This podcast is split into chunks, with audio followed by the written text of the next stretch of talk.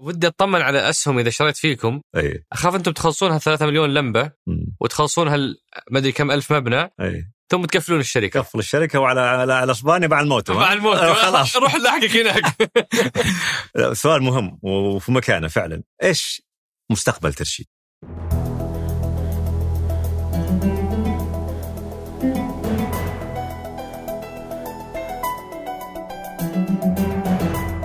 هذا سقراط من إذاعة ثمانية وأنا عمر الجريسي أستضيف قادة التحول وأحاورهم حول رحلتهم في تحقيق أهداف رؤية السعودية 2030 ضيف حلقتنا اليوم هو الرئيس التنفيذي للشركة الوطنية لخدمات كفاءة الطاقة ترشيد الأستاذ وليد الغريري.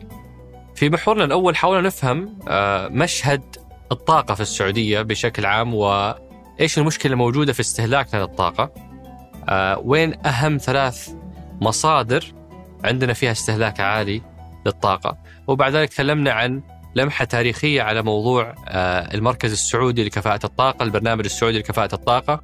وبعدين دخلنا على محور حديث حلقتنا اليوم اللي هو آه، شركة كفاءة الطاقة. آه، تكلمنا عن الشركة كيف نموذج عملها إيش الخدمات اللي يقدمونها. وبعد ذلك دخلنا على حكاية تحول في الحكاية هذه بلغة الأرقام عرفنا كم لمبة على مستوى المملكة تغيرت آه، وإيش أدى هذا إلى كم من الوفر؟ آه، وتكلمنا كم عدد المباني اللي أعادوا تأهيلها. آه، إيش اللي يسوونه في المبنى بالضبط حتى يصبح مبنى مرشد لاستهلاك الطاقة؟ آم، هل الطاقة الشمسية وإضافة ألواح على المباني جزء من عملهم؟ ليش فقط يركزون على القطاع الحكومي والجهات الحكومية؟ ليش ما يخدمون القطاع الخاص والأفراد في منازلهم؟ وهذا الوفر كله كم يساوي بلغة الريال ولغة البراميل النفطية اللي وفرناها وبلغة الانبعاثات الكربونية اللي تجنبنا آه، آه، آه، حدوثها؟ وفي الأخير ختمنا بمجموعة من أسئلة أصدقاء سقراط اللي أكرمتونا فيها. مثل سؤال طيب إذا خلصت تغيير المباني هذه كلها وش بتسوي الشركة هذه؟ أيضا الموظفين الشركة اللي يسألون عن فرق الرواتب بينهم وبين زملائهم في شركات الصندوق الأخرى آه، وكذلك ال- التوجيهات منه كخبير في كفاءة الطاقة للمستهلك النهائي. كيف أوفر أنا اليوم في بيتي؟ آه، آه، فاتورة الكهرباء الخاصة فيني؟ والسؤال طيب وين شغلهم على المساجد اللي يمكن البعض يشوف فيها استهلاك عالي ل- للطاقة؟ وأحيانا ما يكون فيها عدد موازي لهذا الاستهلاك من المستخدمين. وغيرها من أسئلتكم الثمينة. أترككم مع الحوار. حياك الله أبو الجوهرة. شرفتنا ونورتنا. الله يحييك يا عمر وشاكر لك وفريق سقراط على الاستضافة واهتمامكم في هذا المجال الشيق بالنسبة لي أنا. آه، وشرف لي أن أكون جزء من هذا الحلقة ومن هذا البرنامج المميز. الشرف لنا الله يحييك. وعلى طاري فريق سقراط آه، هم أحيانا يزودون الحب يعني العيار شوية وفي البحث. آه، فشافوا صور مكتبك القديم دخلوا على جوجل وبحثوا عن وظيفتك السابقة ودخلوا مكتبك القديم ولاحظوا أنه في صور في مكتبك القديم آه، آه، تحتوي لوح هي نفسها الموجودة في مكتبك الجديد أيوه من من من من أول وظيفة أو من يعني قاعدة تتنقل معك من مكتب لمكتب. آه، فوش قصة هاللوح؟ اي في عندكم استخبارات آه، م- م- سهلة هنا صراحة. آه، فعلا أنا بالنسبة لي آه، يعني عندي خلينا نقول صورتين. الصورة الأولى تتكلم عن هي عبارة عن شريحة شريحة عن أول مرة نتكلم فيها عن شركة ترشيد وتأسيس شركة ترشيد. في عام آه، 2012 هذه عمر الصورة. الفكرة منها إنه كان عرض يقدم آنذاك لسمو وزير الطاقة الامير عبد العزيز بن سلمان وقتها كان طبعا مساعد وزير البترول نتكلم عن فكرة الشركة آه، وكيف ممكن ننشئ زي هذه الشركة بنش ماركس عامة ممارسات دولية. آه، والفكرة كانت أن تكون هذا حلم ويوم من الأيام تتحقق. فبالنسبة لنا آه، قلنا يا جماعة لابد إنه أنا أذكر نفسي إنه يوم من الأيام هذه كانت فكرة على ورق وكيف تحولت إلى واقع. فهذه كانت فكرة الصورة الأولى. أيوه الصورة الثانية. الصورة الثانية كانت لمكاتب ترشيد. قبل وبعد. الصورة الثانية عبارة عن فريم مقسومة إلى جزئين. الجزء الأول أول مكتب لنا في ترشيد وفكرة تأسيس ترشيد يعني في 2016 17 تقريبا. والثانية مقرنا الآن في آه، الرائدة. طبعا الجميل في الصورة الثانية إنها أول مكتب لنا عبارة عن طاولة اجتماعات. طاولة اجتماعات دائرية وكان موظفين ذيك الأيام ثلاث أشخاص، اثنين منهم full time اللي هو أنا وعندنا أخوي وعزيز وحبيبي يحيى سليم اللي هو المدير القانوني عندنا في الشركة وأمين مجلس الإدارة. وعندنا أحد الزملاء دكتور محمد آه، كان معار وقتها من آه، مركز الملك عبد الله للدراسات والأبحاث البترولية. هذا كانت شركة ترشيد. ثلاثة موظفين طال عمرك على طاوله دائرية. أنا طال عمرك كنت C O chief of operation مدير العمليات مدير آه، الموارد البشرية tea boy مراسل كله. فالحلو الواحد دائما يتذكر بداياته حلو إنه يقدر اللي فيه اليوم. هذه الفكرة صراحة إني عندي هذه الصورة هنا والصورة هنا. وقاعد تنقلها من مكتب لمكتب كل كل ما رحنا انتقلنا من مكان لمكان قدامي تذكر كيف الواحد إذا حط يعني أمامه هدف وحلم وتوجه مع المثابرة والمتابعة والصبر آه، ممكن يحققه. ويعني بس عشان نطمن بقية ضيوفنا المستقبلين في سقراط إحنا لا ما نوصل لهالمرحلة باننا نشوف الصور اي لا, لا. للأمانة هذه يعني فزعة من أحد الأصدقاء إيه. اللي موجودين في في الشركة آه هو اللي زودنا في المعلومات لكن أنا لفت نظري إنه هذه الصورتين فعلا قاعد ليش قاعد تاخذها من مكان لمكان؟ فكان عندي فضول أعرف إيش قصتها. وأيضا آه كان عندي فضول أعرف آه هواية شاطحة عندك في السفر. آه، سولف لنا عنها أخوك بدر أيه. اللي هي آه، هواية ال moto. أيوه. آه وكيف إنك كنت تحاول تتخلص من زوجتك بس ما نجحت. وش قصة ال moto؟ طيب خليني أعطيك خلفيه الموضوع هي الخلفية بدأت أنت رجعتني الحين 14 سنة ورا. okay.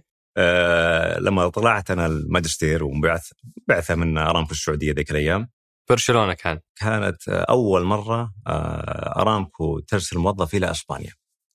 وكنت أنا أول موظف آه، حتى لدرجه إنه في النظام ما في إسبانيا. قعدت ثلاث شهور ما جتني حتى رواتبي. فكانت فكرة جديدة بالنسبة لي إني أروح دولة غير دول اللغة الإنجليزية فيها هو الدارج مثل أمريكا ولا بريطانيا وغيرها. الحمد لله طبعا آه، تقدمت على الجامعة من الجامعات المميزة في برشلونة. فالفكرة منها أن أبغى أجرب هالتجربة الجديدة. وصلت لبرشلونة آه، توني راكب في السيارة آه، ماخذ التاكسي راجع إلى البلد ورايح للمكان المقر اللي أنا فيه. أشوف قاعد أحاول يعني أتشبع من الحياة الجديدة اللي أنا راح أقدم عليها. في 2008 الكلام هذا العالم كلها تسوق سيارات بعدين فجأة بدأت الدبابات تدخل الموتوز والموتو طبعا نتكلم عنه هو الدباب هذا الصغير البسبة اللي بعض الناس يعرفونه في السعودية اللي هو دباب البطة. أي البطة. يسمونه البطة. البطة أي. بالضبط. هذا هو طبعا. آه الناس يعرفون يمكن الهرليات. هناك هذا اللي دارج عندهم. آه طبعا أول ما دخلت خلاص أنا لازم أدخل يعني أتشبع من هالحياة الجديدة اللي في إسبانيا. وأشوف ناس يسوقون هالدبابات والموتو يميني ويساري. قلت خلاص إن شاء الله أسبوع من الآن تضبط أموري واستأجر لي دباب. ما مداني أكمل هالكلمة لا التفت إلا السيارة واقفة وأسمع هذاك الحادث دباب moto ضارب في السيارة اللي قدامي قلت طيب هذه إشارة إن نهدي اللعبة شوي. فعلا فقلت نوت خلينا أستنى. بعد ست شهور صار موقف آخر. دخلت أنا أحد الزملاء كنا نتعشى أنا وياه وتجرأت شوي شفت أحد الزملاء قصير القامه شوي. petite يعني على قولتهم تولى تعود. الله يعني يا معاه خوذة. وأشوف يركب دباب يمشي على أطراف أصابعه. يلا يحرك الدباب. فقلت صراحة لابد تتجرأ يا وليد. يعني ما عندك عذر. إذا ربع التوله هذا يركب الموتو شو مثلا أنا بركب أنا بالضبط بالضبط. فعاد أحد الزملاء هناك آه، من السعوديين كانوا معنا. أنا وياه فقط كنا أول دفعة سعوديين في هذه الجامعة. شجعني. وكان صراحة هو اللي يعني جريء في هذه الأمور كلها. وما شاء الله وبعطيكم اسمها إن شاء الله نهاية القصة لأنه شخص معروف. له في كلش له في الدبابات له في السماء بالطيارات له في البحر بال kite surfing له في كلش ما شاء الله عليه. هو اللي هو صراحة دربني وعلمني وهيئني لهذا الرياضة. من ركبت ال moto ما عاد نزلت منه. صرت أول اتنقل من الجامعة إلى المدرسة أو عفوا من الجامعة إلى البيت بهذا ال moto وبعدين مشوير طالت شوي صارت جوا البلد الجبل البحر وآخر شيء قلت لازم إني أنا أجرئ نفسي اصل على قولتهم الحلقة الأخيرة. آه ورحت من مدينة المدينة سبحان الله صرت خلاص كل مشاويري في الموتو اللي توقعت يوم من الأيام انه مستحيل أركبه. فالحلو الواحد دائما يطلع من يعني منطقة الراحة أو الكمفورت زون اللي يقول عنه. وهذه كانت في في فترة دراسه اي وبعدين حتى في شهر العسل استمرت معي. أي. خلاص أنا من من تعودت على هالموتو آه بدأت معي طبعا الأهل جو آه زملائي جو وكلهم ركبتهم هالموتو وكلهم بدوا أو كانوا يركبون بالخلف صار كل واحد صاف له موتو جنبي. فصارت زي العادة الجميلة من العوائل من الأسرة ومن الأصدقاء كلهم استفادوا منها. حتى بعد الأهل يوم شهر العسل بعد ما ما نجوا منها. وانت تقول إنه هذا له علاقة أيضا بكفاءة الطاقة. نعم صحيح. إنه هذا ما ما يسوي انبعاثات كبيرة. أخف. أخف من اخف من السيارة, السيارة ما جربته في الرياض طيب؟ والله أنا ودي إني أسوي أول جمعية لل moto و Vespa فأنت من أول مدعوين إن شاء الله. أنا, أنا مدعو اي بس بس يعني نشوف صباح الجمعة نشوف إيه ما في سيارات. اي لا لف, لف على المواقف على قولتهم. حبة حبة. عشان أخذ الصورة اي وأكشخ فيها. وبعدين سيلفي وخلاص بالضبط. سيلفي والموت خلفي على قولتهم. إحنا أبو الجوهرة سعداء بإستضافتك اليوم بصفتك رئيس تنفيذي للشركة الوطنية لخدمات كفاءة الطاقة.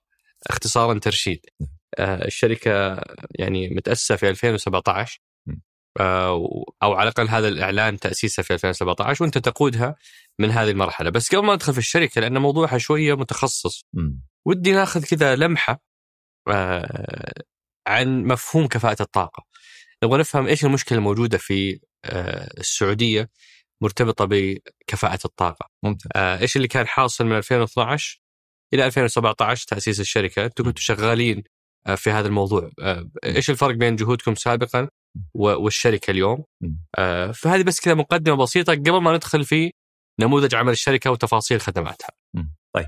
ممتاز. فعلا قبل ما نتكلم عن ترشيد لازم نرجع إلى الخلفية وإلى التاريخ الأساسي. كان في زيادة مضطردة في استهلاك وفي كثافة الطاقة في المملكة. من عام 1990 إلى 2012 كان في ازدياد في كثافة الطاقة في المملكة بنسبة 65% وإيش كثافة الطاقة؟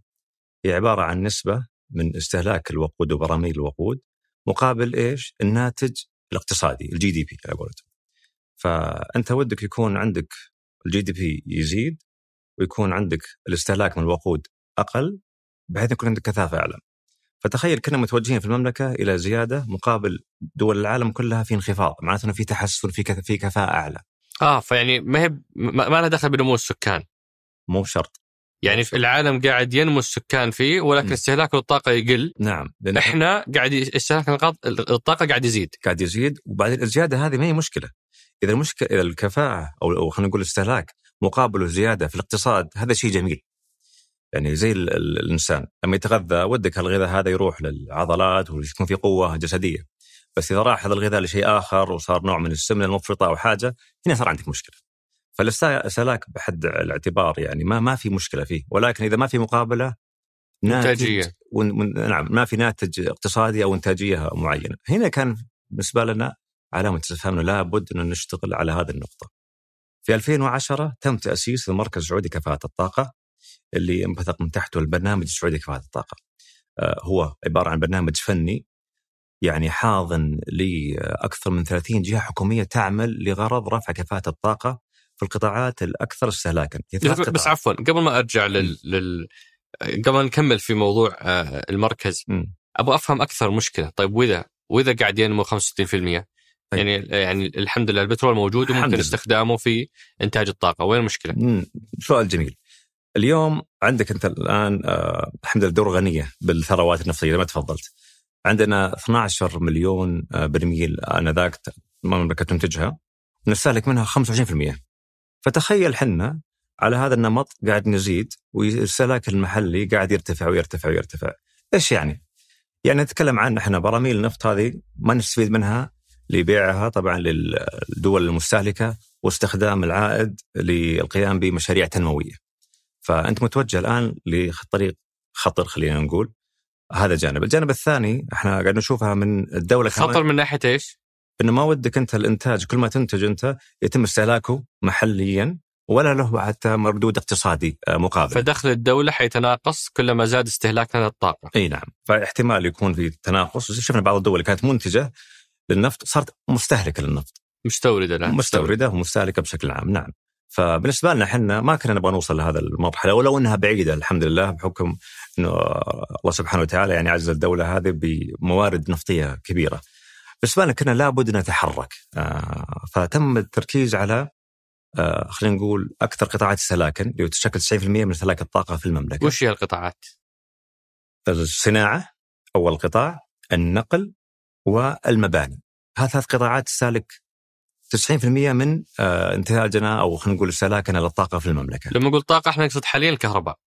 الطاقة بمجملها آه، برميل نفط مكافئ، في بعض منها غاز ووقود، في بعض منها كهرباء، فناخذها دائما إحنا على النقطة الأساسية هو برميل النفط، وهذا برميل النفط يتشعب لاستخدامات مختلفة، أحدها هي الكهرباء. بس حيثما ذكرنا موضوع الطاقة من الآن وصاعدا في حلقتنا فإحنا نقصد فيها الكهرباء، نعم. الغاز، والوقود. إيه والحين راح نتخصص طبعا ترشيد تخصصت ومشاريع التاهيل تخصصت في موضوع الكهرباء بشكل خاص.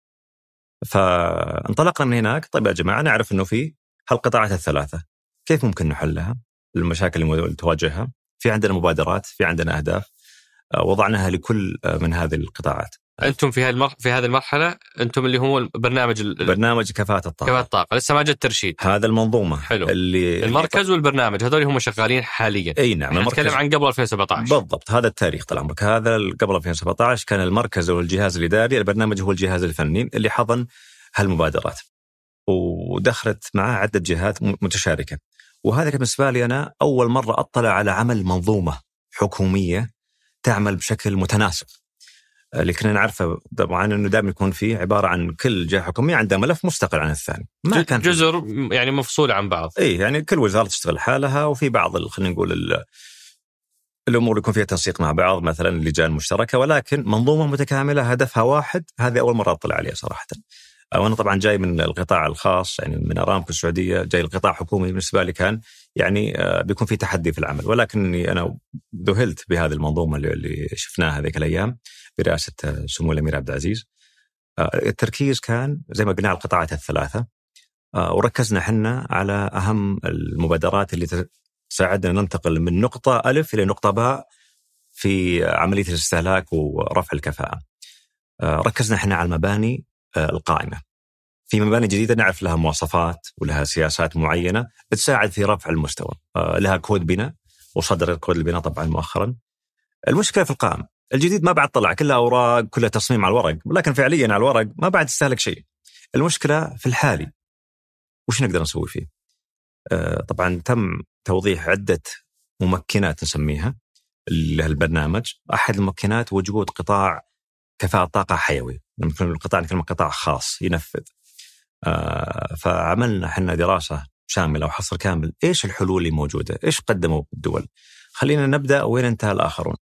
فعملنا يعني بشكل لصيق مع جهات عالمية البنك الدولي المؤسسة الألمانية للتعاون الدولي نفس الشيء تقريبا هذه زي البنك الدولي في ألمانيا. درسنا إيش الحلول المقدمة إيش النماذج المقدمة وطلعنا بفكرة تأسيس كيان آه، تجاري اللي هو شركة ترشيد. وهذا كانت أحد الخيارات. الخيار الأول كان أول شيء مركز تكلفة مركز حكومي له بند من المالية ويتم صرف على مشاريع معينة. ولكنه طبعا ما في استدامة مالية. خيار ثاني كان تأسيس صندوق استثماري. هذا الصندوق يكون له رأس مال يستثمر رأس ماله. العائد من هذا الرأس مال يتم صرف عليه لمبادرات كفاءه الطاقة. ولكن المدة راح تكون طويلة جدا على أساس إنه يشتغل. فلقينا هذا الكيان التجاري شركة على أسس ربحية تنطلق خلينا نقول هدف معين اللي هو رفع كفاءة الطاقة وتوفير آه، الكهرباء من المشاريع اللي تقوم بإعادة تأهيلها والناتج يرجع لها كشركة فلقينا هذا أفضل نموذج عمل للمملكة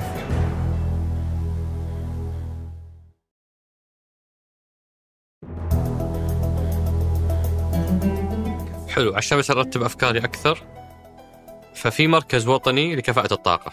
اي في المركز مركز السعودي لكفاءة الطاقة. المركز السعودي لكفاءة الطاقة، هذا إيه؟ الجهاز الإداري. نعم. وطلع منه البرنامج الوطني برنامج السعودي لكفاءة الطاقة. البرنامج السعودي لكفاءة الطاقة، نعم. وهذا البرنامج اللي فيه مبادرات في كل ال- القطاعات المختلفة بما نعم. فيها مثلا موضوع الوقود موضوع أحسنت آه، أجهزة ال- التكييف ال- نعم. كل هذه الأشياء اللي صرنا نشوف فيها العداد هذا الملون بالضبط هذه كلها ها- من هذا البرنامج البرنامج برنامج. السعودي كفاءه الطاقة جهة حاضنة لمبادرات انطلقت مؤخرا وانطلقت من 2013 و14 ومركزة زي ما قلنا على ال 90% اللي تستهلك أكبر قدر من الطاقة نعم. اللي أنت قلتها ال- ال- الصناعة المباني والنقل. نقل نعم. هذا تركيز البرنامج. نعم. واحدة من مخرجات البرنامج هي كانت إنه عندنا فرصة لصناعه حل مستدام أو حل يقدر يستمر ويوقف على رجوله بنفسه اللي هو شركة ربحية مهم. آه، آه، تساعد في موضوع تأهيل المباني. نعم. الجزئية حقت تأهيل المباني صح؟ صحيح. هذه هي ترشيد. هذه هي ترشيد. هي أحد المبادرات وأحد خلينا نقول ال- اللي خرجت من آه، هالبرنامج. ذكرت بعضها أنت طال عمرك مثلا في النقل كان في معيار اقتصاد الوقود صدر في 2016 في النقل كان في معيار للقطاعات الصناعية الاكثر استهلاكا في المباني طلع آه، فكرة آه، إنشاء الشركة هذه. شركة ترشيد. شركة ترشيد. ممتاز. فهذا موقعكم في الخريطة. أي نعم. آه، بس عشان الواحد يقدر يربط فهمنا إحنا المشكلة. مم. عندنا استهلاك زايد. نعم. استهلاك قد يؤدي إلى أننا نفترض ما عاد نقدر نصدره نستهلكه محليا. مم. آه وأغلب وآهم ثلاثة الثلاثه ذكرناهم. الآن ودنا ندخل على شركة ترشيد. آه إيش الخدمات اللي تقدمها هذه الشركة؟ وكيف نموذج عملها؟ أنتم شركة ربحية. بدل ما الدولة تدفع يعني آه، من ميزانيتها سنويا نعم. أنتم اليوم قاعدين تقومون بهذه المهمات طيب من وين تأخذون فلوسكم؟ ممتاز. آه، ترشيد كشركة آه، يعني هي بال- بالمسمى المصطلح العلمي خلينا نقول الفني في القطاع اسمها super ESCO. ESCO إيش يعني؟ energy service companies أو شركات خدمات كفاءة الطاقة. كشركة خلينا نقول آه، يعني نواة للقطاع. الفكرة منها إنها تقوم بتطوير مشاريع تمويلها والإشراف على تنفيذها بالنيابة عن العملاء. في هالحالة مين كان العميل الأول؟ بالنسبة لنا؟ القطاع الحكومي. إحنا تكلمنا عن المباني ولما نعمل خلينا نقول شوية تركيز على قطاع المباني نعرف إنه في استهلاك الكهرباء. استهلاك الكهرباء طبعا مقسم إلى قطاع سكني قطاع تجاري وصناعي وقطاع حكومي. القطاع الحكومي يشكل 13% من استهلاك الكهرباء. فأنت عندك عميل واحد ماخذ 13% من استهلاك الكهرباء في المملكة فاشتغلنا بشكل لصيق أنا ذاك مع وزارة المالية وصندوق الاستثمارات العامة إنه ترى عندنا حل نموذجي وقتهم يعني آه، لا يأثر عليكم من ناحية الراسماليه ويستفاد منه الجهات الحكومية ويستفاد منه القطاع الخاص في تنمية آه، مثل هالمشاريع. إيش كانت فكرة الشركة؟ أنا اليوم أجي لمبنى أو منشأة سواء عاد مباني أو إنارة أو خلينا نقول منشآت مختلفة. أقيم وين مواطن الاستهلاك. بعدين يتم وضع معايير لرفع الكفاءة في الاستهلاك. خلينا ناخذ سبيل المثال مباني، عندنا اليوم المكيفات تستهلك 60 70% لكل مبنى. آه، الإنارة ما بين 10 إلى 15%. خلينا نقول الأجهزة الأخرى مثل المواطير وغير ذلك آه، ال BMS القشرة الخارجية للمبنى. هذا كله لما تحط على بعض تستهلك 100% اليوم ترشيد تجي تشتغل مع شركات خدمات كفاءة الطاقة من القطاع الخاص بالتعاون معها لتنفيذ مثل هالمعايير. طيب أنا اليوم عميل يقول لك على عيني وراسي أنا وزارة صحة وزارة تعليم أنا مالي بهالأمور هذه. أنا مركز على المانديت حقي والهدف الرئيسي اللي أنا معني به مثلا الصحة نتكلم عن مستشفيات وكوادر طبية. جينا حنا أخذنا المشكلة الكفاءة وخ- وتبنيناها. تبنيناها مو من ناحية فنية من ناحية مالية. قلنا يا وزارة المالية حنا راح نجي وراح نمول المشروع برأس مالنا حنا. طبعا الشركة مملوكة بالكامل من صندوق السنوات العامة فرأس المال جاي من الصندوق. والفكرة منها هنا إيش؟ أنه هذا الرأس مال مقابله فيه نتيجة وهذه النتيجة هو الوفر. وهذا الوفر اللي الشركة بالتعاون مع وزارة المالية والمركز السعودي لكفاءة الطاقة اللي هو يتحقق من وفر الناتج يكون في آلية لمشاركة وتعويض الشركة لأعمالها فالنموذج جميل من ناحية أنه ما في عبء مالي عليك أنت يا العميل آه ومن ناحية فنية العبء الفني اللي عليك أنا اليوم حملته بنفسي صرت أنا اليوم أحكي مع القطاع الخاص بلغته وأحكي مع القطاع العام بلغته فصاير أنا زي الوسيط. ممتاز. فأنتم شركه مملوكة بالكامل لصندوق الاستثمارات العامه نعم. ونموذجكم قائم على أنك أنت تقلل الاستهلاك هال- هالوزارات بدون ما تكلف الدولة ريال واحد والوفر تتقاسم أنت وياهم نعم. السؤال اللي عند يعني مجموعة كبيرة من الناس كل ما جاء طاري شركة من شركات صندوق الاستثمارات العامة هي طب ليش أنتم داخلين؟ ليش ما تخلون القطاع الخاص هو اللي يمسك هذا المشاريع؟ يعني أتفهم في التصنيع العسكري الموضوع معقد وحساس فنحتاج شركة تقود هذا الملف، مم. بس كفاءة طاقة يعني وتدخل فيه الدولة بشركة مملوكة بالكامل الصندوق. ما, ما هو منافسة القطاع الخاص مو قاعدين أنتم تضيقون اليوم على القطاع الخاص بدخولكم في هذه المشاريع اللي ما هي. آه، حساسة أو جوهرية أو معقدة مم. إنه أي أي شركة قطاع خاص ممكن تسوي الخدمات هذه طبعا دائما نسمع وتتكرر هذا الاستفسار إنه هل الصندوق ولا هل الشركات المملوكه الصندوق يزاحم القطاع الخاص؟ أنا أعتقد نموذج عمل ترشيد هو مثال حي على عكس ذلك. كيف؟ أنا اليوم مشاريع إعادة تأهيل وخلينا ناخذ مثال عشان نبسط للناس ممتاز، مشاريع إعادة التاهيل اليوم ما هي موجودة. قبل تأسيس ترشيد ما كان في مشاريع، ما هو زي المقاولات تقول مبنى مقاولات آه، وفي شركات قائمة تشتغل في هذا المجال. اليوم إحنا خلقنا خلينا نقول أو طورنا قطاع جديد مشاريع إعادة تأهيل ما حد قد سمع فيها قبل تأسيس شركة ترشيد وقبل حتى ما يكون في خلينا قطاع فني يدعم آه هذا الشركة وأعمالها الفنية. فاليوم طلعت أنا آه مشاريع جديدة وخلينا نقول حزمة من المشاريع ما كانت موجودة قبل تأسيس الشركة.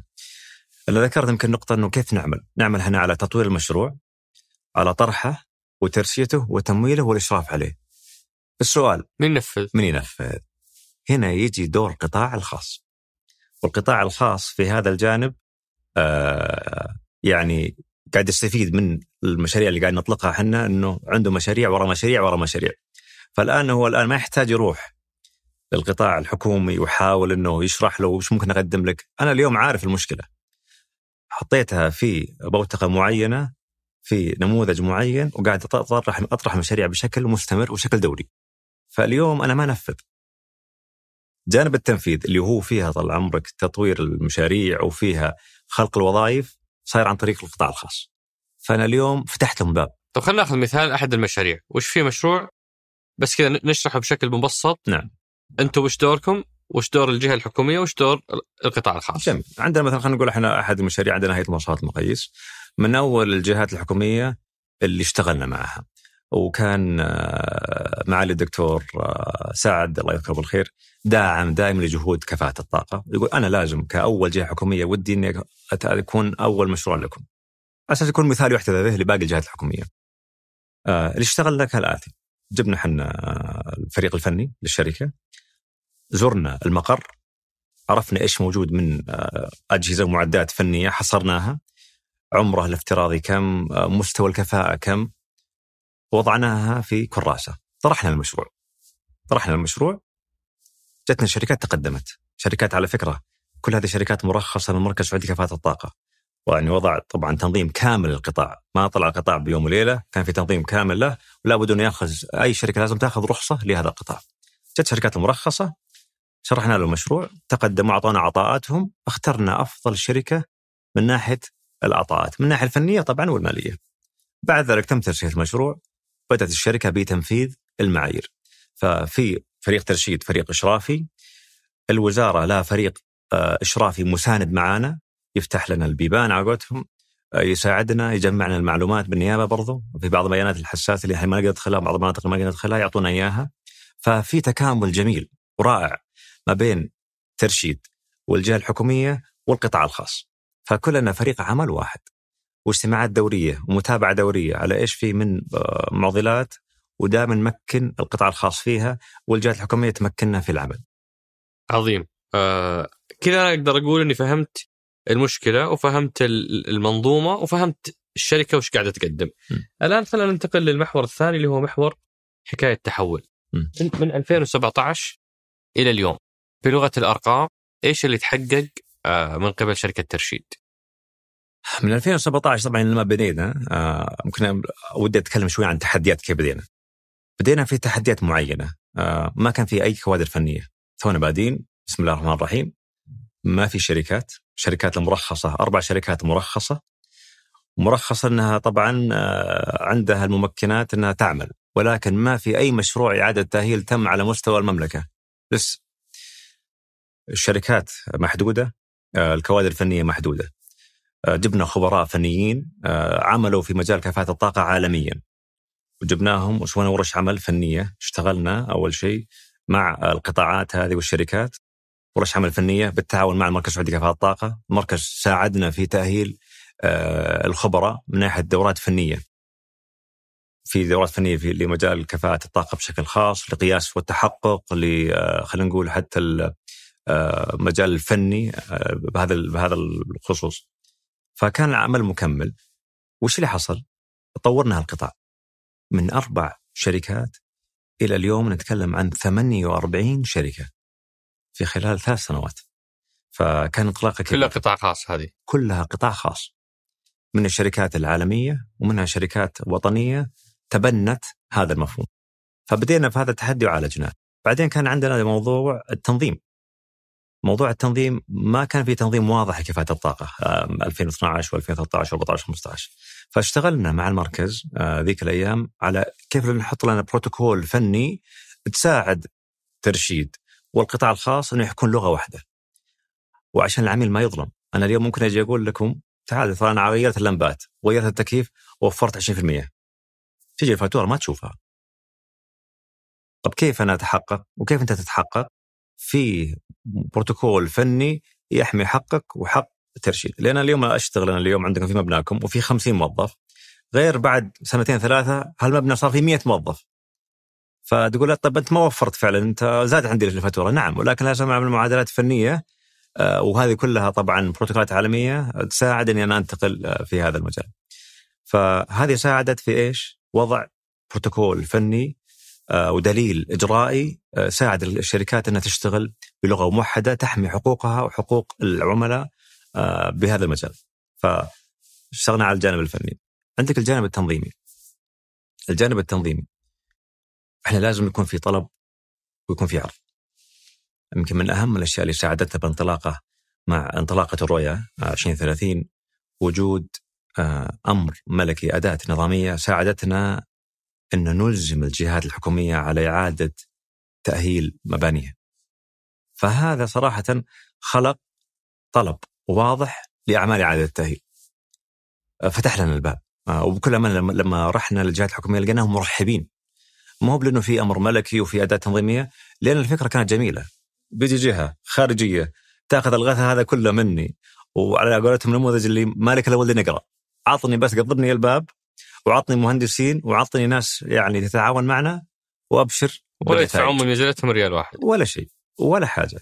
فهذه يمكن بعض الأشياء النظامية اللي اشتغلنا عليها. هذه كلها مهمة وجيدة. نعم. آه ولكن ابي أبي أسمع براميل. إيه أبي أسمع لمبات. أرقام. ابي ابي أبي أعرف كم برميل وفرنا إيه. كم لمبة غيرنا. جايك أنا فيها هذه. أنا بس كنت بعطيكم في البداية إيه. كيف إحنا انتقلنا بالأساسيات لأن هذه كلها فعلا أركان القطاع صحيح. أركان أساسية للقطاع. لأنه ترى من السهل آه، وهذه نقطة ودي أركز عليها وجدا مهمة. من السهل أنك تأسس أو خلينا نقول تطلق مشروع.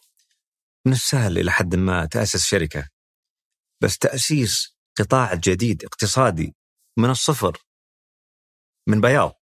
ما نتكلم أنا على قطاع جديد أو قطاع قديم بس قاعد أطوره لا ما في لا يوجد معدوم. تطويره مو سهل صراحة كان.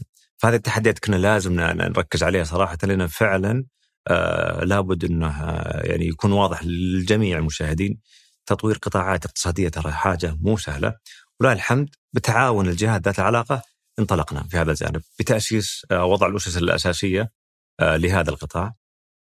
طيب نتكلم عن أرقام. أنا اليوم عندي برنامجين في ترشيد، برنامج المباني وبرنامج إنارة الشوارع إنارة الشوارع. برنامج المباني نتكلم إحنا عن أكثر من 8000 مبنى حكومي قمنا بإعادة تأهيله. 8000 مبنى. 8000 مبنى. خلال الأربع سنوات اللي فاتت. إي نعم. طيب مقسمة طبعا إلى مباني إدارية، مباني آه، تعليمية، مباني صحية وتختلف، طبعا كل الناس يكون لك هذا الرقم 8000 ولا شيء لسه توكم بادين بسم الله. هي العبرة بالأحجام، يعني لما أروح أنا جامعة الملك سعود جامعة الأميرة نورة هذا عن 200 مبنى كاستهلاك. فالحمد لله وصلنا 8000 مبنى م. تم إعادة تأهيلها من؟ أصل كم مبنى؟ من أصل في خارطتكم فخارطتنا الآن نتكلم على أكثر من على حسب كيف تقيسها، أنا نشوفها من ناحية تيروات مو من المباني، المباني شوية كمعيار مو هو دقيق مو دقيق نحن دائما نشوف استهلاك الكهرباء.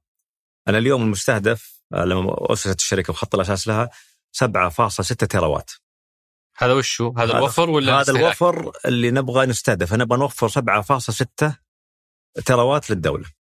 وفرنا إلى الآن 4 تيروات.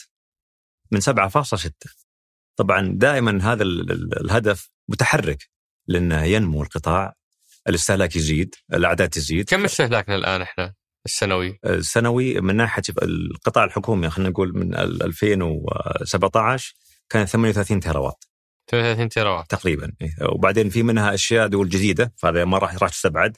في أشياء قديمة هذه راح أصلا تهد. يصير الناتج اللي أنت تركز عليه هذا 7.6 تيراوات. هذا اللي نركز عليه إحنا نبغى نستهدفه من ناحية وفر. آه، فوصلنا إلى 4 تيراوات. خليني أقسم لك إياها إلى مباني وإلى إنارة شوارع. في المباني قلنا إحنا 8000 الصراحه آسف قبل ما أدخل لها أنا ما فهمت الرقم هذا. السبعة تيراوات هذه هدف إنكم إذا إنكم تعيدون تأهيله لا ولا هذا الوفر الناتج. إنكم تس... خلاص هذه ما عاد تصير سبعة خلاص ما عاد فيه سبعة ما عاد موجود. يعني خلينا نقول أنا اليوم آه عندي أنا مثلا من 38 نبغى نقص سبعة. من 30 نبي ننقص سبعة خلينا فتصير 30 31 بس نكون أدق 38 هو الاستهلاك العام. اي لازم تشيل منه يمكن نسبة 30% آه، تستبعد لأن أشياء غير مستهدفة للاستهلاك مثلا أشياء جديدة وأشياء مثلا قديمة تطلع. فلما نعمل إحنا الحسبة واشياء فنيا غير قابلة للتأهيل ف 30% نستبعدهم نستبعده يبقى عندك تقريبا 24% 24 تقريبا تراوات تقريبا يبقى لك أو 27 تراوات منها نستهدف إحنا سبعة. سبعة. هو 30% من الوفر المتوقع. إحنا نتمنى نوصل بنسبة 30% من الوفر من فاتورة الكهرباء الحكومية. خليني أحط لها بلغة يمكن الريال. okay. اي في 2000 و 2000 و يعني 12 2016 فاتورة الدولة كمستهلك كانت 10 مليار ريال سنويا. هذه فاتورة الكهرباء. فاتورة الكهرباء 10 مليار سنويا. نعم. okay.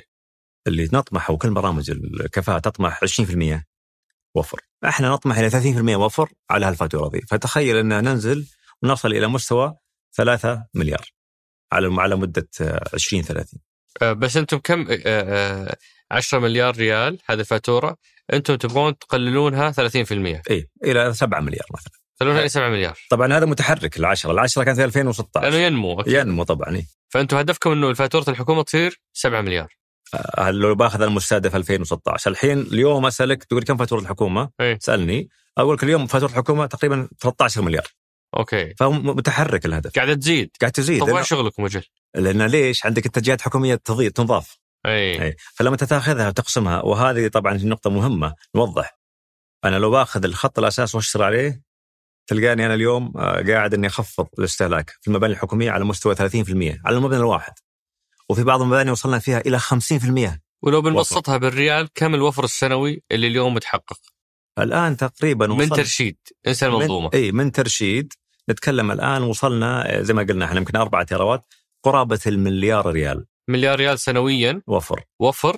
ناتج عن مشاريع إعادة شركة ترشيد. برامج إعادة التأهيل. اللي هي عبارة عن تأهيل مباني و... و... والإنارة. إنارة الشوارع. أي نعم. هذه المليار ريال كم يجيكم كم يروح للدولة؟ تختلف طال عمرك هي نسب تناسب على حسب المشروع نفسه وعلى حسب طبيعة المشروع أوكي. ففي مؤشرات اداء معينة بينه وما بين المركز ويتم تحديده برضه من من وزارة المالية وعلى اساسها يكون فيه نوع من المشاركة. حندخل شوي على المباني ونفهم أكثر وش يسوون فيها بس م. بس الإنارة أسهل فخلينا نخلص من الإنارة. ممتاز. وش اللي تحقق في الإنارة؟ الإنارة لما بدينا إحنا كم لمبة عندنا في السعودية؟ هنا سؤال مهم. آه ممكن نرجع موضوع التحديات شوي، التحديات اللي واجهناها برضو ما في بيانات دقيقة بشكل كبير، ما كان في قاعدة بيانات واضحة للدولة. آه ناخذها إحنا من أمانة، ناخذها من الوزاره. آه يعني في حصر لها ولكن الدقة ما تكون 100%. لما بدينا برنامج اناره الشوارع الرقم اللي وصل لنا إنه ترى في المملكة 2.2 مليون مصباح.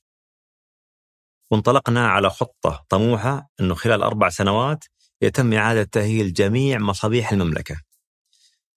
إحنا اليوم نهاية 21 وصلنا إلى 2.7 مليون مصباح. طيب تقول لي وين واصلين؟ فعليا اللي حصرناه اليوم أن المملكة فيها 3.5 مليون مصباح فالأعداد قاعدة تزيد. قاعد تزيد. قاعدة تزيد. فلهذا لهذا بس السبب 2.7 مليون لمبة غيرتوها. هذه انتهينا من شوارع المملكة بالكامل. بشوارع المملكة شمالا جنوبا غربا شرقا. نتكلم عن مصابيح مرشدة يصل مستوى الترشيد إلى 70% في بعض الأحيان. آه فاللمبة اللي عشان بسطها كانت تكلف ريال صارت تكلف 30 هللة. بالضبط. هذا اللي سويتوه أنتم في اللمبات دي كلها. بالضبط. واو.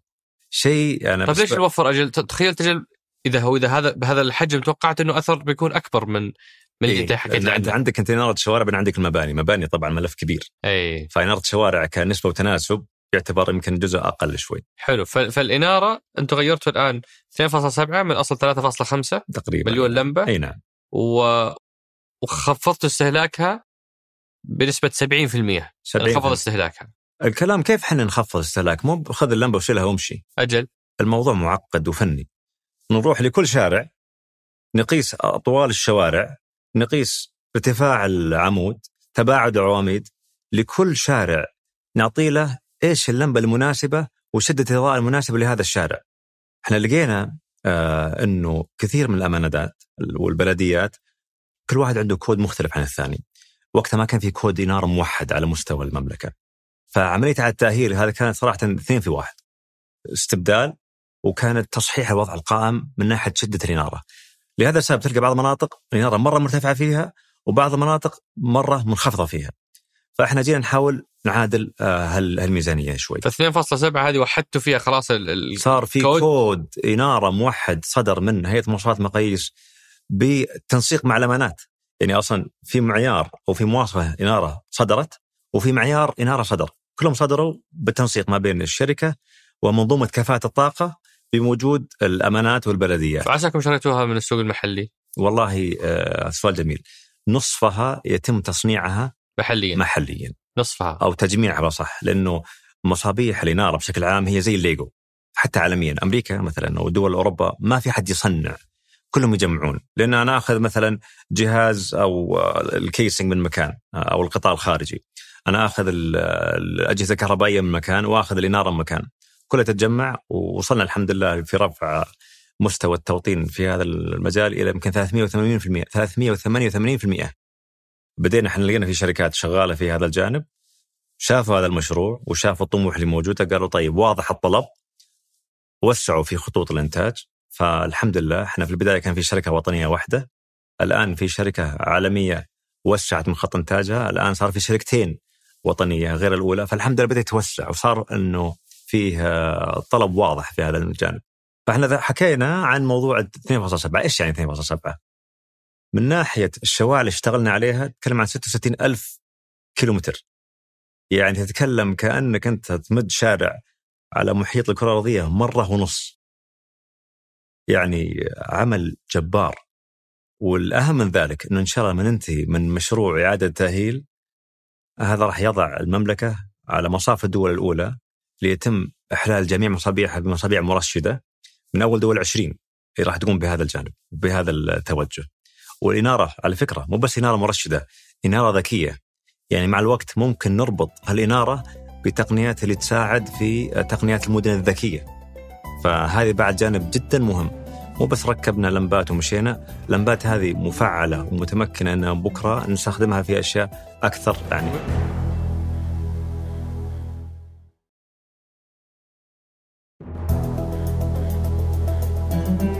يعني وبما أنها كلها اوت دور واستهلاكها ما هو بعالي لل... لل... للوات ليش ما كانت كلها طاقة شمسية؟ اي الطاقة الشمسية متى مناسبة تكون؟ وهذه دائما الناس تكون فيها خلط فيها.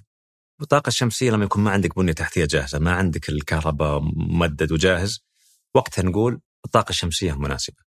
إنه نستخدم مكان نائي تكلفة مد البنية التحتية والكهرباء وتوصيلها بيكون مكلفة جدا مقابل إنه أنا أخذها من مصدرها. آه وسؤال صراحة آه ودي بعد أضيف عليه. طب ليش حنا في المباني ما اشتغلنا برضو في موضوع الالواح الشمسية؟ هي أحد المعايير ولكن أعتبرها من المكملات. تجينا استفسارات كثيرة. عندك يا جماعة ألواح شمسية، ليش ما نشتغل عليها؟ ليش مركزين على المكيفات والإنارة؟ أنا بشتغل اليوم بألواح. والناس تلخبط ما بين هذا المفهوم وهذا المفهوم. هي مكملة لبعض. ولكن الأساس إنك تبدأ بجانب العرض اللي هو إيش؟ أو الاستهلاك اللي هو الكفاءة ترشد استهلاك رشد استهلاكك اعرف كم تحتاج بعد ذلك اطلع بموضوع اللي هو الإمداد اللي هو الألواح الشمسية الناس تلقاهم للأسف يبدون بالعكس. يركب الواح شمسية بعدين يركز على مكيفاته ويناره لأن الجميل في عملية الترشيد الناتج سريع. أنا مو لازم ترى أغير لمباتي ومكيفاتي والاجهزه الكهربائية عشان أشوف ناتج. آه أنا أعتقد إنه بتغيير ثرموستات معين بتغيير آه طريقة تشغيل الأجهزة بطريقة معينة ساعات التشغيل بدل ما هي ثمانية تكون ستة تكون خمسة هنا راح يكون في وفر. وشفناه في بيوتنا. يعني هذا الجميل في هذا المفهوم. مو بترى حصري. على المباني الإدارية. في بيوتنا منازلنا وأنا كثير من الزملاء يقولون فعلا أنا لما بديت اغير ثرموستات ودرجة الحرارة بدل ما كان على 22 و20 ورفعته إلى 23 و24 لقيت فرق. وهذا المبادئ اللي نحاول نشتغل إحنا ما دام نتكلم عن المباني ودي تشرح لنا بمثال. يعني قد ما تقدر تبسط لنا الموضوع. إيش اللي تسوونه بالضبط في المبنى لما تقولون أعدنا تأهيل مبنى آه إكس آه اتذكر أنت قلت لي أربعة تقريبا آه مجالات لإعادة التأهيل. بالضبط. لو تحدثنا عن مثال محدد وتقول وش اللي وش اللي فرق بعد ما اهلتوا المبنى؟ ممتاز. عندنا إحنا أربعة يمكن خلينا نقول محاور رئيسية. عندنا التكييف والإنارة وانظمه التحكم وبعدين الرابعة يسمونها القشرة الخارجية المبنى. هذه الاربع محاور نركز عليها في أي مبنى يعاد تأهيل. بالضبط. حلو. ويختلف المعايير. عطنا مثال مبنى أخذتوه ورجعتوا أهلتوه. طيب المعايير الأربعة هذه بعطيك مثال مثلا هيئة مواصفات مقيس بدينا فيها لقينا إنه فيه تحدي. محمد مرة جايز لكم كل أمثلتك عنه. ما ممتاز لأنه الناس اخذها المثال هذا. كمل عليه. كمل عليه قولتهم وبعدين أبو محمد داعب ما شاء الله ما يعني يعني عليه بارد الله نعم. يحفظه إن شاء الله. نعم. ففعلا نرجع مثلا الهيئه مواصفات مبناهم. المكيفات نعرف في بعضها قديمة وغير مرشدة تم استبدال. في عندنا أنظمة تتبع التكييف. أنظمة تحكم يقول مواطير ثابتة السرعة. حطيناها بسرعة مترددة. إن على حسب خلينا نقول سرعة المحرك تطلع وتنزل. أول كانت ثابتة صرف النظر كم تحتاجها. هذه كلها تم إحلالها بشيء جديد. الاناره أخذنا الاناره القديمة كانت اناره بعضها صوديوم. بعضها فلورسنت وركبنا عليها أنظمة LED لمبات LED واضفنا عليها كمان أنظمة اللي هو التحكم بالاناره بحيث إنه واحد طلع من مكان يتم إطفاء الاناره. ال sensor أو الحساسات ال sensor والحساسات بالضبط آه هذا جانب. آه أنظمة التحكم ربطنا الأجهزة ذي بطريقة ذكية بحيث انها تحاكي مع بعض وتحكي مع بعض.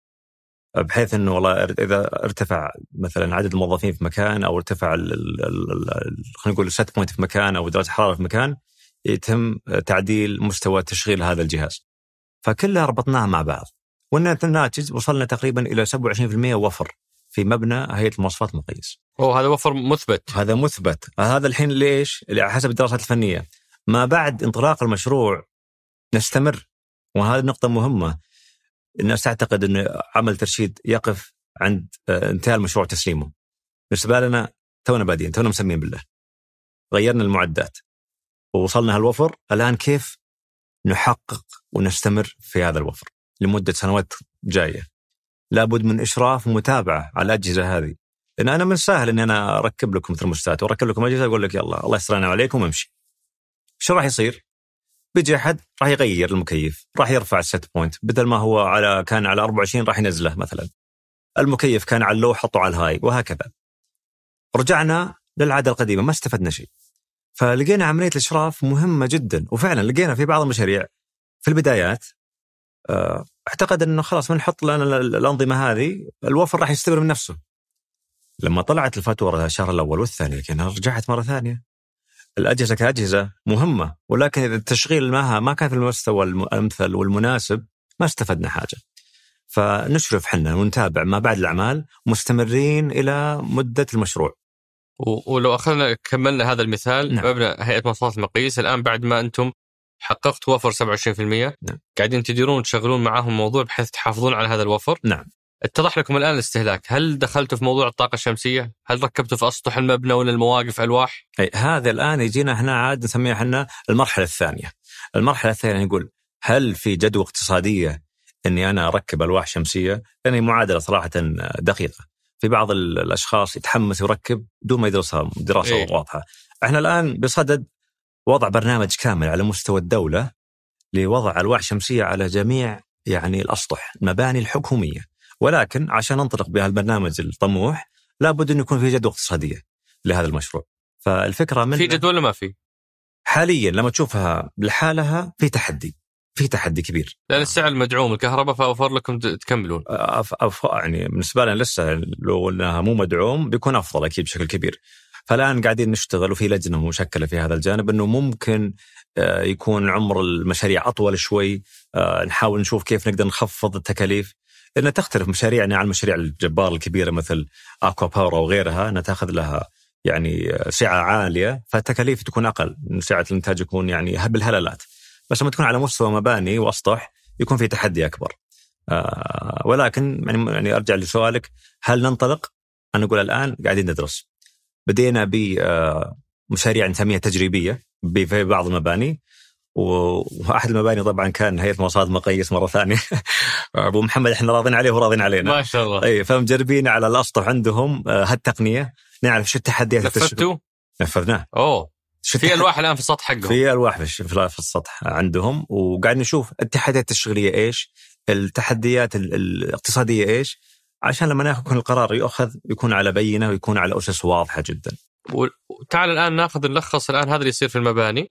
وهذا اللي يصير في الشوارع وأهم هذول أهم برنامجين عندكم إي نعم. لو أخذنا هذا كله إيش الوفر اللي يتحقق بلغة الاقتصادي. الريال بلغة البيئي أنتم أنتم كم قللتم انبعاثات كربونية بهذا الوفر اللي سويتوه لأن هذه واحدة من ال- المكتسبات آه وبلغة ال- ال- الموارد الطبيعية كم برميل نفط وفرتوا طيب إحنا تكلمنا عن 3.8 تيراوات.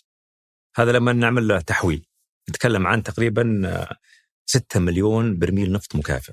هذا تراكميا ولا سنويا؟ هذا سنويا سنويا قاعد توفرون 6 مليون برميل يعني اليوم لو وقفنا قفلنا ترشيد سنويا 6 مليون برميل نفط مكافئ. يعني على سعر آه، البرميل في 21 سنة 21 نتكلم عن 71 دولار تقريبا يعني ع- 1.6 مليار ريال سنويا لمدة سنوات قادمة. هذا بس من ناحية النفط. آه نتكلم عن انبعاثات ثاني اكسيد الكربون. هذه كلها خفضنا بنسبة 2.4 مليون آه، طن متري مكعب. آه يعني إيش؟ نتكلم عن هذا سنويا مرة ثانية. يعني يعادل زراعة 41 مليون شجرة. أوه. فأنتم اليوم زرعتوا 41 مليون شجرة. سنويا. سنويا. هذا ال- الأعمال اللي قمنا فيها لو نبي نترجمها نترجمها بهالطريقه فأعمال إعادة التأهيل. الجميل فيها هي على قولتهم أضعف الإيمان. نشتغل فيها بسرعة ونتائجها سريعة. فلها أبعاد اقتصادية أبعاد بيئية جميلة. ولها أبعاد كمان آه، خلينا نقول آه، مالية أنا اليوم الأثر المباشر لك أنت العميل خفض في استهلاك الفاتورة الكهربائية. الأثر الغير مباشر الاقتصادي طبعا تكلمنا إحنا عن الشركات اللي تم تأسيسها، كنا أربع شركات وصلنا إلى 48 شركة وإن شاء الله إلى النمو آه، أعلى. عدد الوظائف اللي تم آه، يعني تطويرها 2400 وظيفة مباشرة وغير مباشرة. 150 منها طبعا شركة ترشيد اللي أنا بالنسبة لي صراحة فخور جدا جدا. عندكم ترشيد أنتم في الموظفين؟ مرة. لا بس أنا فخور فيهم لأنه صراحة هذول جبارين. مهندسين اقولتهم يعني زي العسل. ونعم يعملون يعني ليلا نهارا. آه كيف ممكن حنا يعني نساعد في رفع كفاءة الطاقة في هذا القطاع؟ وكيف نخلق قطاع كامل؟ فهالمهندسين صراحة هو ينسب الفضل لهم طبعا بعد الله. في وضع المشاريع وإطلاقها بالشكل وإنجاحها بشكل آه، مناسب. زي ما تفضلت حنا حتى في طريقة عملنا فيها من الترشيد الشيء الكبير. أنا عندي هالمشروع اللي حكينا عنه وبرنامج إنارة الشوارع 2.7 مليون. تتوقع كم موظف قاعد يدير هذا البرنامج؟ 35 موظف فقط. في آلية للإدارة جدا يعني مرشدة وفيها كفاءة عالية. أنا أعرف وش الأشياء اللي أستفيد منها وش الأشياء اللي أقوم فيها وش الأشياء اللي ممكن أستفيد منها في القطاع الخاص المتابعة. أنا عندي اليوم مشرف من ترشيد وعندي مشرف ميداني من القطاع الخاص. فهذا يشغل هذا وهذا يتابع على هذا. فعملية جميلة. آه، وما نبقى إحنا يكون عندنا تضخم كمان. من هاي شركة. فلما تبني الشركة تبغى تبني أي شركة لابد إنك أنت تكون حريص على الجوانب وعناصر التكلفة اللي في موجوده عندك. هذا مو دائما يجوز للأمير عبد العزيز بن سلمان ولا لا؟ شلون؟ موضوع الترشيد يقول أنتم يعني في كل شيء ترشدون أنا طبعا أنا بالنسبة لي أنا إيه، كما آه، شافني. بالنسبة لك أنت أوكي. كل ما شافني قال لي وليد ترى شوف عندك الترشيد نعرف عندك المباني بس عاد مو هو بالاكل حتى يقول أنت منقطع تماما مرة إي بس هي الثقافة مشكلتها طبعا عدوى واحد يرشد رشد ما بس إنها يعني فعلا دائما سمو الأمير عبد العزيز وقياده البلد بشكل عام ما نلقى منهم إلا كل دعم. التمكين وفتح البيبان المقفلة إذا فيها بيبان مقفلة ومع إنه الحمد لله جميع الجهات الحكوميه متعاونة. أه تيجي بعض التحديات ولكن التحديات هذه بعد ما نشرح لهم إيش الهدف نلقى تعاون جميل جدا. في سؤال رائع صراحة وصلني من أحد الأصدقاء آه وهو قد يكون ختام هذا المحور بعدها نفتح أسئلتهم آه يقول طيب آه ترشيد بعد ما تخلصون تغيير اللمبات والمباني. وش تبغوا تسوون؟ يعني هذه شركة ربحية ونتوقع نشوفكم في في السوق الاسهم في في شاء. أي لحظة من هذه السنة أو السنة الجاية شاء هذه. توقعاتي ما أدري إيه، مش ولا مش ولا من دفتر الشيكات بس إيه، ج- جهز الشيكات؟ بالضبط آه فودي أطمن على أسهم إذا شريت فيكم اي أخاف أنتم تخلصونها 3 مليون لمبة مم. وتخلصونها ال- ما أدري كم ألف مبنى اي ثم تقفلون الشركة. كفل الشركة وعلى على, على أسبانيا مع الموت مع الموت خلاص. روح لاحقك هناك. سؤال مهم وفي مكانه فعلا. إيش مستقبل ترشيد؟ طبعا عملية إعادة تأهيل عملية مستمرة. زي جسم الإنسان. أنت اليوم تقول آه، بعمل لي آه، عملية تخسيس. ما أنت تسوي تخسيس وخلاص توقف. تلقاك طول العمر تروح لها النادي تعمل حمية صح ولا لا؟ مستمرة. نفس الشيء المباني والجهات. هذه التقنية لها عمر افتراضي. لازم إحنا من وقت لوقت نرجع مرة ثانية لنفس المبنى ونعيد تطويره وتعديله. فعملية مستمرة. ما ما, ما تقف في المرحله الاولى في مراحل مستمرة ودورات مستمرة لإعادة التأهيل. هذا جانب. الجانب الثاني طبعا تكلمنا عن إعادة التأهيل. آه، في توسع أكيد في مشاريع أخرى. آه، عندنا اليوم إحنا اليوم على المملكة. إيش اللي يمنع ترشيد بكرة مو بس ك يعني شركة حتى صناعة كفاءة طاقة. وهذا الهدف صراحة الأساسي. ما يكون عندنا صناعة وطنية فقط. هذا البداية والحمد لله أعتقد إن بدينا نحققها. إن نحن اليوم نورد هالمنتجات والخدمات للخليج والأقليم كله. ما في شيء يمنع إن الشركة اليوم تكون قائده قائده هذا يعني آه، أو خلينا نقول حامله المشعل في هذا الجانب. اللي انطلاق بكفاءة الطاقة كقطاع مو بس وطني وطني ويكون عالمي من ناحية تصدير الخدمات والمنتجات وهذا اللي نطمح له صراحة في ترشيد إنه تطوير القطاع يكون يوقف على رجلينا يخدم آه، مستهدفات اللي موجودة اليوم في المملكة وبعد ذلك ننطلق إلى خارج المملكة. أنا ظنيت صراحة إنه يعني فاجأتني بالتوسع خارج المملكة أنا ظنيت إن التوسع بيكون للقطاع الخاص والأفراد نعم. يعني أنت اليوم بعد ما تخلص 13% هذولي أي. القطاع الحكومي حتبدأ تلتفت لل- للمنشآت الخاصة وللأفراد أجي أنا صاحب منزل أقول لك تعال آه، آه، شاركني الوفر.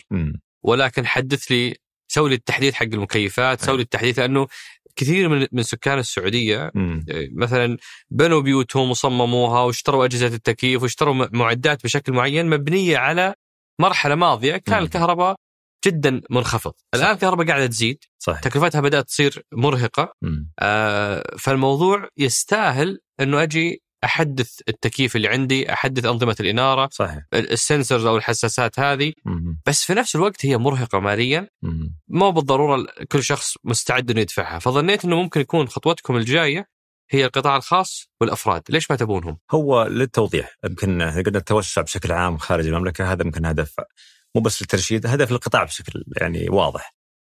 قطاع السكني أو قطاع الأفراد. آه، عملية اعاده تأهيل تتطلب تحكم وجود جهاز إداري يتابع المعدات. لأن أسهل شيء اركب لك اللمبات والمكيفات وأطلع. ولكن زي ما قلنا لقينا إحنا في تحديات. إذا أنا ما جيت استمريت بالمتابعة والإشراف معناته الوفر ذا ما راح ما راح يتحقق. أي. فتخيل وانت قاعد في غرفة النوم يجي أحد مهندسين ترشيد يطفي عليك المكيف. لو سمحت خفض التكييف اي اي عرفت كيف تنحنح يا ولد ويطفي المكيف.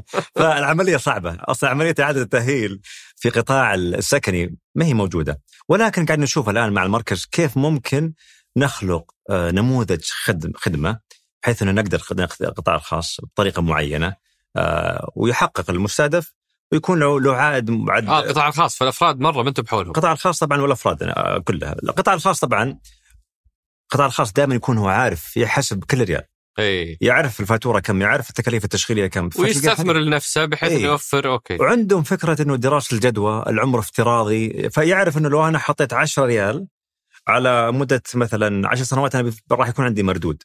فتلقى القطاع الخاص ما شاء الله مثقف في هذا الجانب.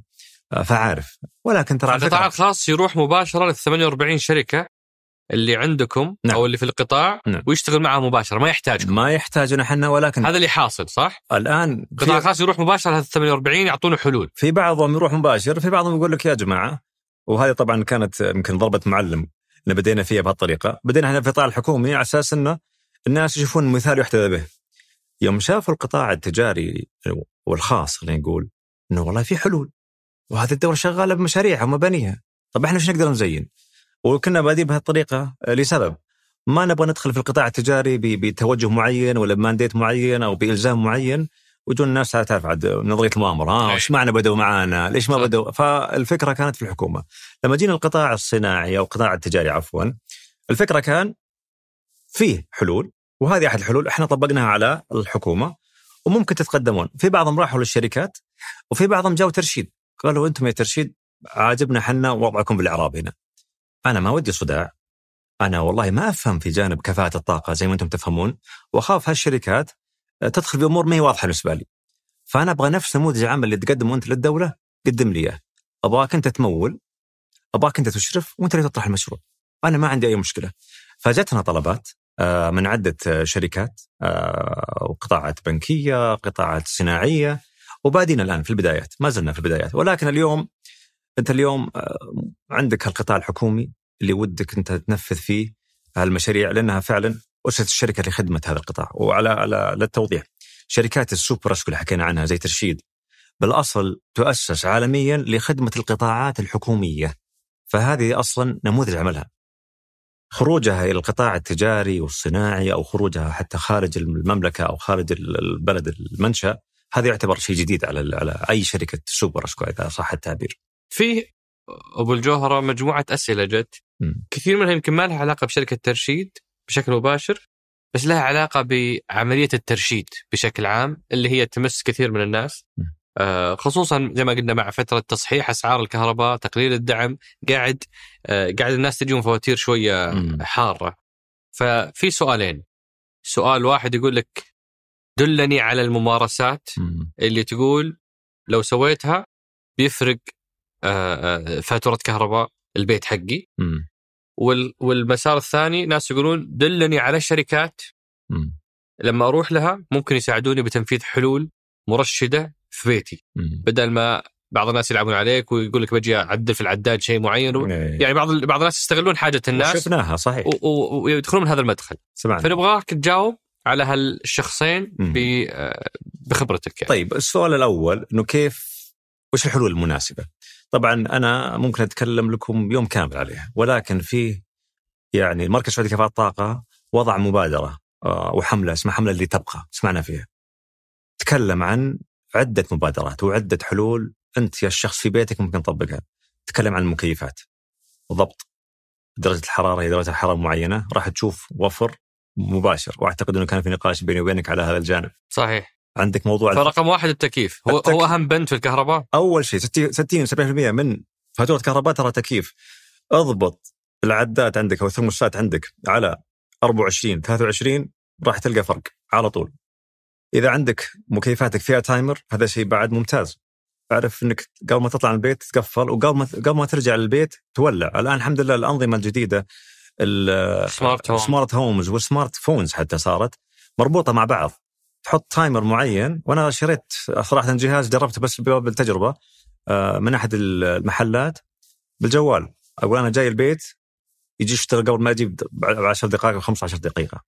على أشياء قائمة اليوم مثلا ذي مثلا split AC ولا المكيفات اللي موجودة اللي ما فيها التقنية ذي ممكن ترى يعني تركب عليها جهاز خارجي يعطيها خاصية التحكم وش الشركة اللي خدمتك؟ خلينا نسوي لهم دعاية هذا مو. بشاذيك هذه هذا منتج طال عمرك منتج إيه منتج. وش المنتج من وين أخذته ذا؟ اخذت المنتج من آه، ذيك الأيام آه، ذكر يا هو يا ساكو يا شو اسمه اكسترا اكسترا إكسترا. أي نعم اكسترا الظاهر okay. آه، ويجيبون ترى عدة آه، يعني آه، أجهزة ومعدات. بس ف- فكرتها إنه أنا بدل ما أضطر إني أشغل مكيف طول الثمان ساعات اللي أنا في المكتب أيوه. عشان لما أرجع ألقاه بارد بالضبط. أنا ممكن اشغل قبل قبل ساعة. اوصل ب... قبل نص ساعة ساعة لا خلاص الغرفة عندك مهيئة ولما تطلع من البيت أنت تقول والله نسيت أطفي المكيف خلاص ساعة معينة طفي من نفسه. فهذا التكييف. قلنا إحنا ضبط درجه الحرارة ضبط التحكم تنظيف الفلاتر. في المواسم قبل دخول الصيف لأن الفلاتر هذه زي ال- الغبار اللي تكتم على المكيف فهذا شيء مهم. آه، تكلمنا إحنا يمكن عن تنظيف الفلاتر كلمتها المفروض. مفروض إلى ست شهور هذا الشهور. وكل ما نظفت زايدة ما في ضرر. كل ما نظفت بشكل مستمر ما ما في ثلاثة إلى ستة شهور إيه. تنظيف الفلاتر. تنظيف الفلاتر آه، بشكل مستمر. هذا التكييف. الإنارة طبعا متى ما أمكن. هذا طبعا لاحظ تحكمات بسيطة. الإنارة إذا تقدر تغيرها يعني كان بها ممتاز. إذا ما تقدر تغيرها إلى LED. إلى LED LED كم بيفرق معي في الاستهلاك؟ نفس الشيء. ان اليوم 70% آه، 70% لأن الحين wow. أو في بعض 90% مثلا تلقى أنت ال- ال- الهالوجين. هذه spot light إيه. العادي حارة حارة. إيه. 70 واط تستهلك. مقابلها في ال LED وشو؟ 6 واط أو 7 واط. 90% 90% ما فرق صح ان هذه يمكن بريالين ثلاثة وهذيك يمكن بعشرة. ولكن لما تشوف انت كم مرة تغير ال- ال- ال spot light هذه على العمر افتراضي لل LED تلقى المعادلة ترى موجودة هناك ومفضل لك إنك تحول إلى ال LED هذا جانب. فقلنا المكيفات قلنا الإنارة في عندنا المكيفات عفوا في عندنا الثلاجات في عندنا أجهزة كثيرة. أنا تقول نصيحتي روحوا ل آه، محملة لتبقى في عندهم مبادرات جميلة ونصائح رائعة للفرد. وش ممكن يقدم؟ هذا. جانب يمكن التوصيات. جانب الشركات. كل الشركات هذه المركز السعودي لكفاءة الطاقة عنده كل أساميها كل معلومات التواصل كلها شركات مرخصة. ولكن هي شركات بعدها تخدم قطاعات مباني. كبيرة. كبيرة. يعني فيمكن ما يلقون الخدمة هذه في آه، عند الشركات. ولكن في قطاع من قطاعات الشركات يسمونها آه، اللي هو مدققين آه، للطاقة. ممكن آه، تلقون بعض الأفراد اللي عنده شهادة مدقق طاقة آه، يدخل عندك المنزل يحاول يعرف إيش مواطن الاستهلاك ويقدم لك حلول وتوصيات آه، فهي موجودة هذه يمكن. عظيم. آه هذا واحد يقول تدعون للترشيد وهناك قرى وشوارع مليانة إنارة بدون أي استفادة. ولماذا ما تنار بالطاقة الشمسية؟ هذه شرحناها. مم. آه ما هو نموذج الربح للشركة شرحناه أنتم تقاسمون الوزارات. اي في الوفر اللي تحققونه في في مشاركه بمعادله معينه ما بينها وما بين ال- ال- الدولة على اليه مشاركة معينة. هل تدخلون في موضوع ترشيد المياه؟ ما بعد دخلنا في ترشيد المياه لا والله. هي ضمن خططكم؟ تركيزنا بال- بالكهرباء. كهرباء. المياه ما بعد دخلنا فيه. هذا يبحث صراحة مستقبلا. آه هذا يقول استبدال إنارة الشوارع بأخرى أكثر كفاءة قد تكون حققت مستهدفات التوفير. لكن للأسف بعضها ضعيف جدا بالإضاءة اللي هو دورها الأساسي في جدة تحديدا فهل هناك ما يقيس أثر الترشيد على كفاءة العمل الأساسي؟ مم. هذا طبعا استفسار دائما يصلنا وهي يبغى لها جانب توعوي مهم لما الناس تعودوا على إنارة معينة آه وهي طبعا كانت بالأول خاطئة لما تغيره أكيد انه بالنسبة له يكون في تخفيض وتخفيض هذا غير صحيح ولكن وفق المعايير العالمية شدة الاناره اللي موجودة تتماشى مع المعايير العالمية فاللي كنا في الماضي خطأ ما هو معناته نستمر عليه آه، والترشيد أو الهدف منه والكفاءة الهدف منه إنه نكون إحنا وفق أفضل الممارسات اللي موجودة. وإحنا شفنا يمكن أحد القصص الطريفة اللي واجهناها في قطاع الاناره كنا دائما ندخل أي حي جديد أي مكان جديد تجينا شكاوي، ليش غيرتوا اللمبات؟ وراكم غيرتوها رجعوها للأول. هذه أول شهر من ال- خلينا نقول الشكاوي. الشهر الثاني عاد شوف الشكاوي. وراكم ما جيتوا غيرتوا عندنا، غيرتوا عن جاري ما أوه. غيرتوا عندنا.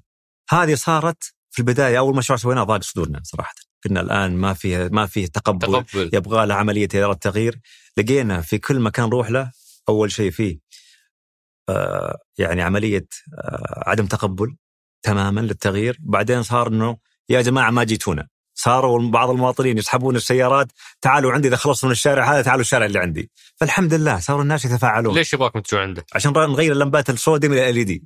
وش يفرق معه؟ إنه يكون مرشدة يكون حتى نظارة إنارة جديدة.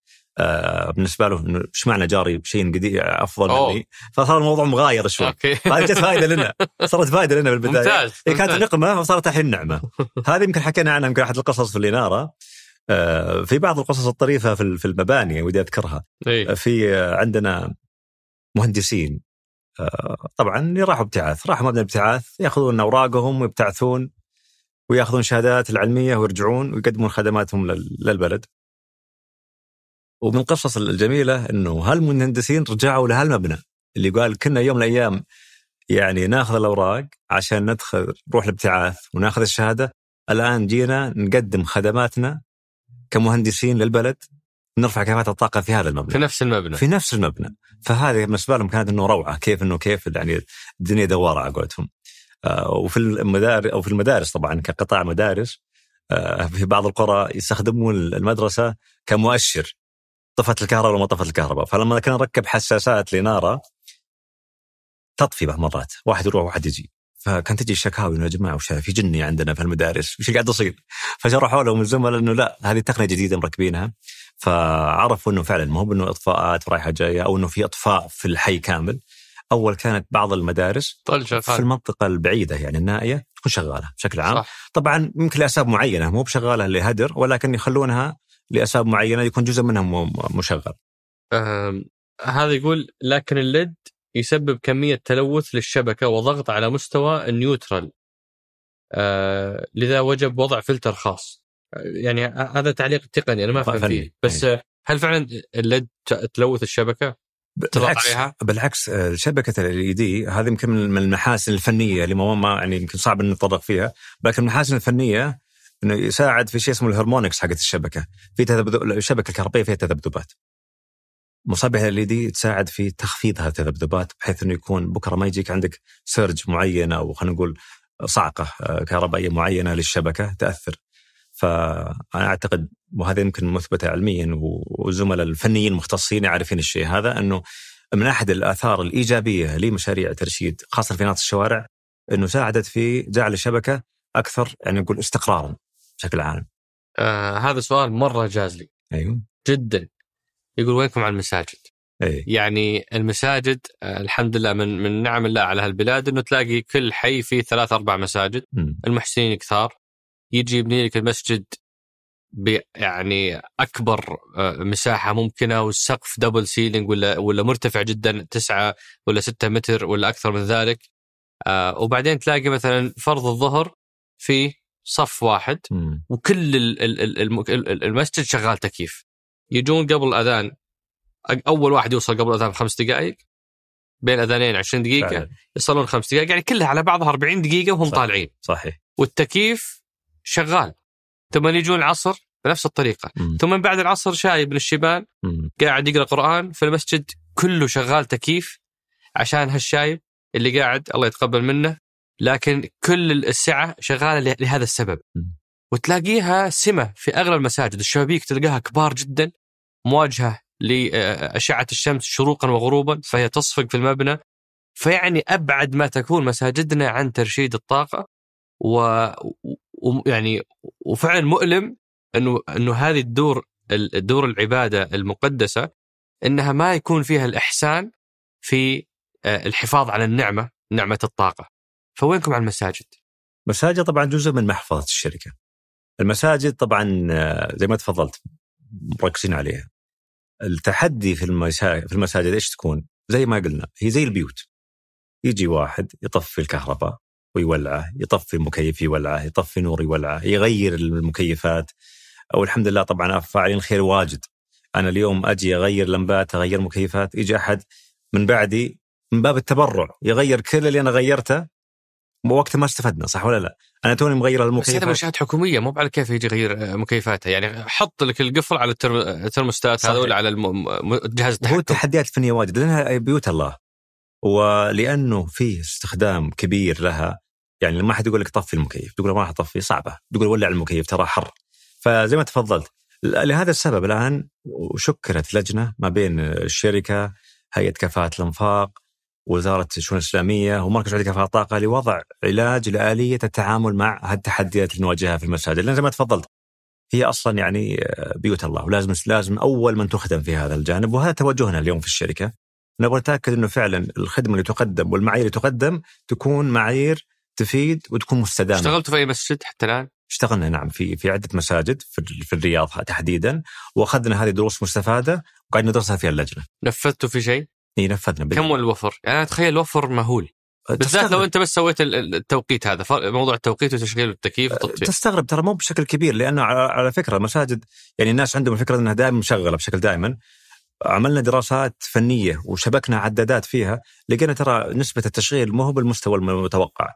فتتراوح ما بين 15 إلى 20% نسبة وفر. إيه؟ بس؟ مو كثيرة ما هي كثيرة. أوه. وعلى فكرة المساجد كمساجد كقطاع حكومي تشكل من نسبة الاستهلاك 7% فقط. 7% 7% من 13% 7% من ال 100% أي. من ال 100% 7% مساجد. في ناس تعتقد إن المساجد ترى تستهلك يعني صح. نسبة عالية ولكن هي هي ككمية ما شاء الله وكأعداد كثيرة ولكن كاستهلاك يعتبر قليل. أوكي. آه هذا أحد زملائك في الشركة يقول لماذا رواتب الموظفين خصوصا أصحاب المناصب ذات خبرة أقل من خمس سنوات ضعيفة مقارنة بالسوق؟ آه أو مقارنة بالشركات الأخرى المملوكة لصندوق الاستثمارات العامة، على الرغم من إنجازات الشركة وتحقيقها لجميع الأهداف المستهدفة.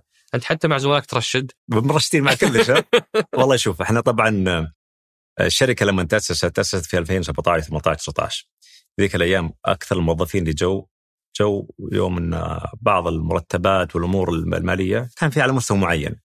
سبحان الله صار في نقلة ممكن سمعنا في في 19 و20 وما بعد الجائحة 21 قفزت الرواتب. نعمل إحنا بشكل مستمر آه، مع لجنة الترشيحات لمعالجة أي قصور تجي، طبعا أي منشأة أي منشأة تعالج تعالج التحديات وتواجه التحديات بشكل عام.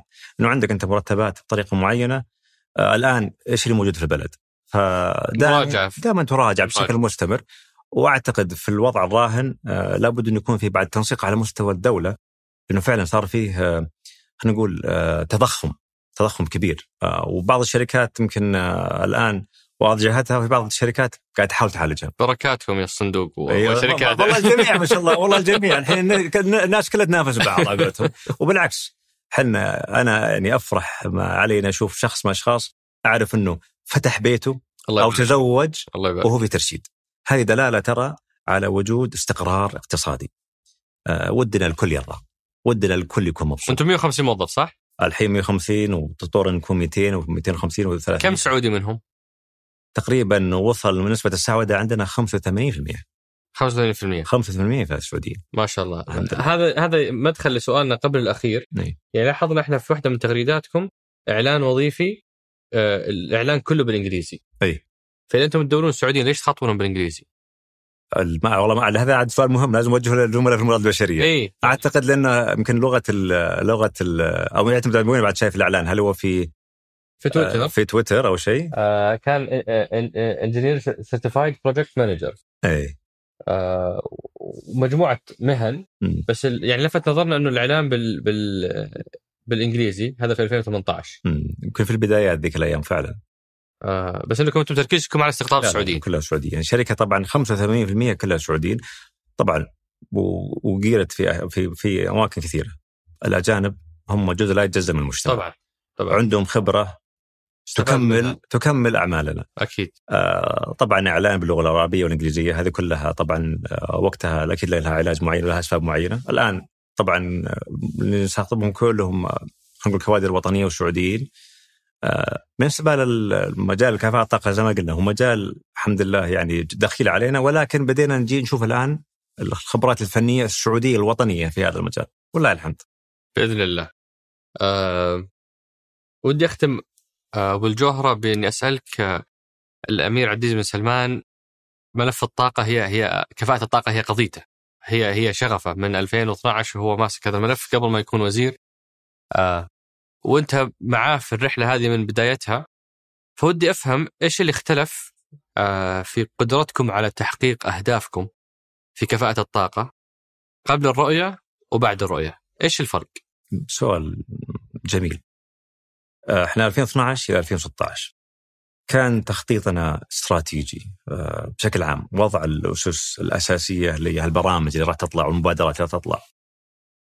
وطبعا كان في تحديات واجهنا أكيد وهذه التحديات طبعا عالجناها بوفق هذه المنظومة العمل اللي وضعت بتوجيه وقيادة سمو الأمير عبد العزيز. آه، أعتقد واللي أشوف أنا أحكي عن نفسي كترشيد آه، ما بعد الرؤية لقينا هالدفعه القوية، يعني ذكرت أنا يمكن بس أحد الأدوات اللي فتحت البيبان، هذا الأمر الملكي اللي صدر في 2017. أنا بالنسبة لي كانها بشارة.